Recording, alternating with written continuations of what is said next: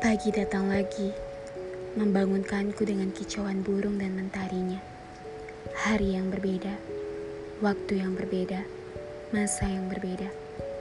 Masih dengan perasaan yang sama, yang menunggu pesan darimu masuk ke dalam ponselku. Sekedar selamat pagi akan jadi dua kata paling hebat untuk mengawali hariku. Ternyata tidak ada. Buku yang tergeletak di sebelah pemutar musik sudah tiba pada halaman terakhir.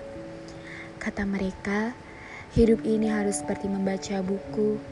Kita tak akan bisa lanjut ke bab berikutnya jika terus terpaku di bab sebelumnya.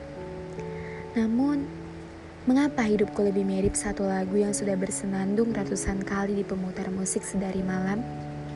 Terus berputar balik tanpa pernah bosan ku nikmati kesenduannya.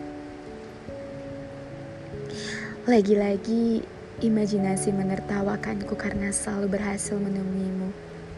Sementara realitas, dalam realitas, kita berdua hanyalah dua orang yang berlari. Aku sibuk mengejarmu, kau sibuk menghindariku. Oh, tenang, aku tidak lelah. Justru aku menikmati prosesnya. Kemudian, pagi kembali berganti malam. Repetisi yang tidak lagi membosankan semenjak kau hadir. Mata coklatmu yang indah dicampur senyumanmu yang berseri. Tak pernah gagal membuat jagat rayaku meledak menjadi jutaan kembang api.